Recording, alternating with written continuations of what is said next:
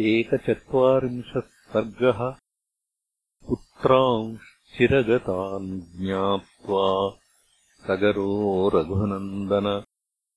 नप्तारमब्रवीद्राजा दीप्यमानम् स्वतेजसा। सूरश्च कृतविद्यश्च पूर्वैस्तुल्योऽसि तेजसा पितॄणाम् गतिमन्विच्छ येन चाश्वोपवाहितः अन्तर्भौमानि सत्त्वानि वीर्यवन्ति महान्ति च। तेषाम् त्वम् प्रतिघातार्थम् सासिम् गृह्णीष्वकार्मुकम्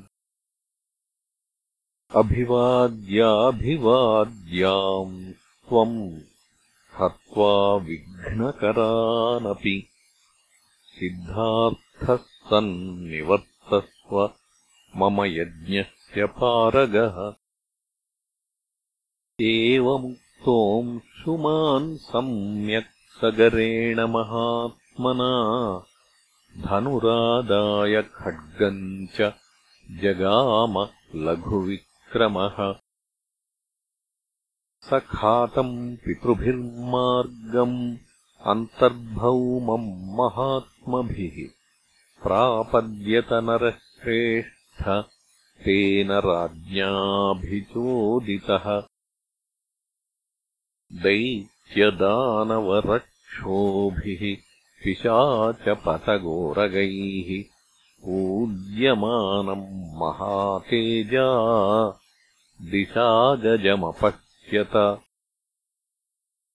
स तम् प्रदक्षिणम् कृत्वा पृष्ट्वा चापि निरामयम् पितॄन् स परिपप्रच्छ वाजिहर्तारमेव च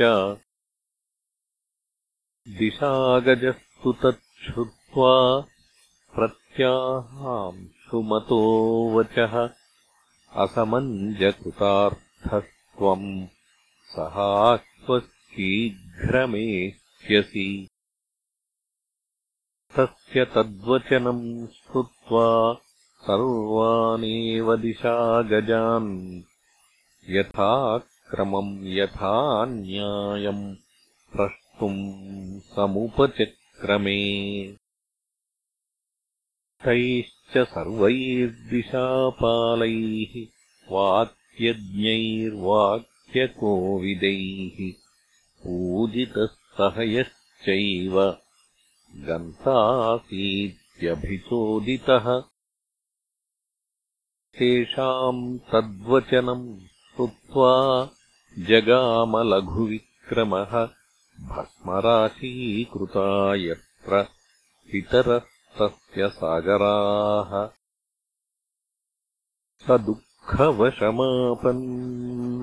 स्वसमञ्जसुतस्तदा शुक्रोशपरमाप्तस्तु वधात्तेषाम् सुदुःखितः। यज्ञीयम् च हयम् तत्र चरन्तमविदूरतः ददर्शपुरुषौ व्याघ्रो दुःखशोकसमन्वितः। स तेषाम् राजपुत्राणाम् कर्तुकामो जलक्रियाम् सलिलार्थी महातेजा न चापश्यत् जलाशयम्। विसार्यनिपुणाम् दृष्टिम् ततोपश्यत् खगाधिपम्। पितॄणाम् मातुलम् राम सुपर्णम् अनिलोपमम् स चैवमब्रवीद्वाक्यम् वैनतेयो महाबलः मा शुचः पुरुषौ व्याघ्र वधोऽयम् लोकसम्मतः। कपिलेन आप्रमेयेण दग्धा हि मे महाबलाः। सलिलम् नार्हसि प्राज्ञ दातुमेषाम् हि लौकिकम्। गङ्गा हिमवतो ज्येष्ठा दुहिता पुरुषर्षभ। तस्याम् कुरु महाबाहो पितॄणाम् तु जलक्रियाम्। भस्मराशीकृतान् एतान् प्लावयेल्लोकपावनी। तया क्लिन्नमिदम् भस्म गङ्गया लोककान्तया षष्टिम् पुत्रसहस्राणि स्वर्गलोकम् नयिष्यति। गच्छ चाश्वम् महाभाग तम् गृह्य पुरुषर्षभ यज्ञम् पैतामहम् वीर संवर्तयितुमर्हसि। सुपर्णवचनम् श्रुत्वा सोऽंशुमानतिवीर्यवान् त्वरितम् हयमादाय पुनरायान्महायशाः ततो राजानमासाद्य दीक्षितम् रघुनन्दन न्यवेदयद्यथावृत्तम् सुपर्णवचनम् तथा।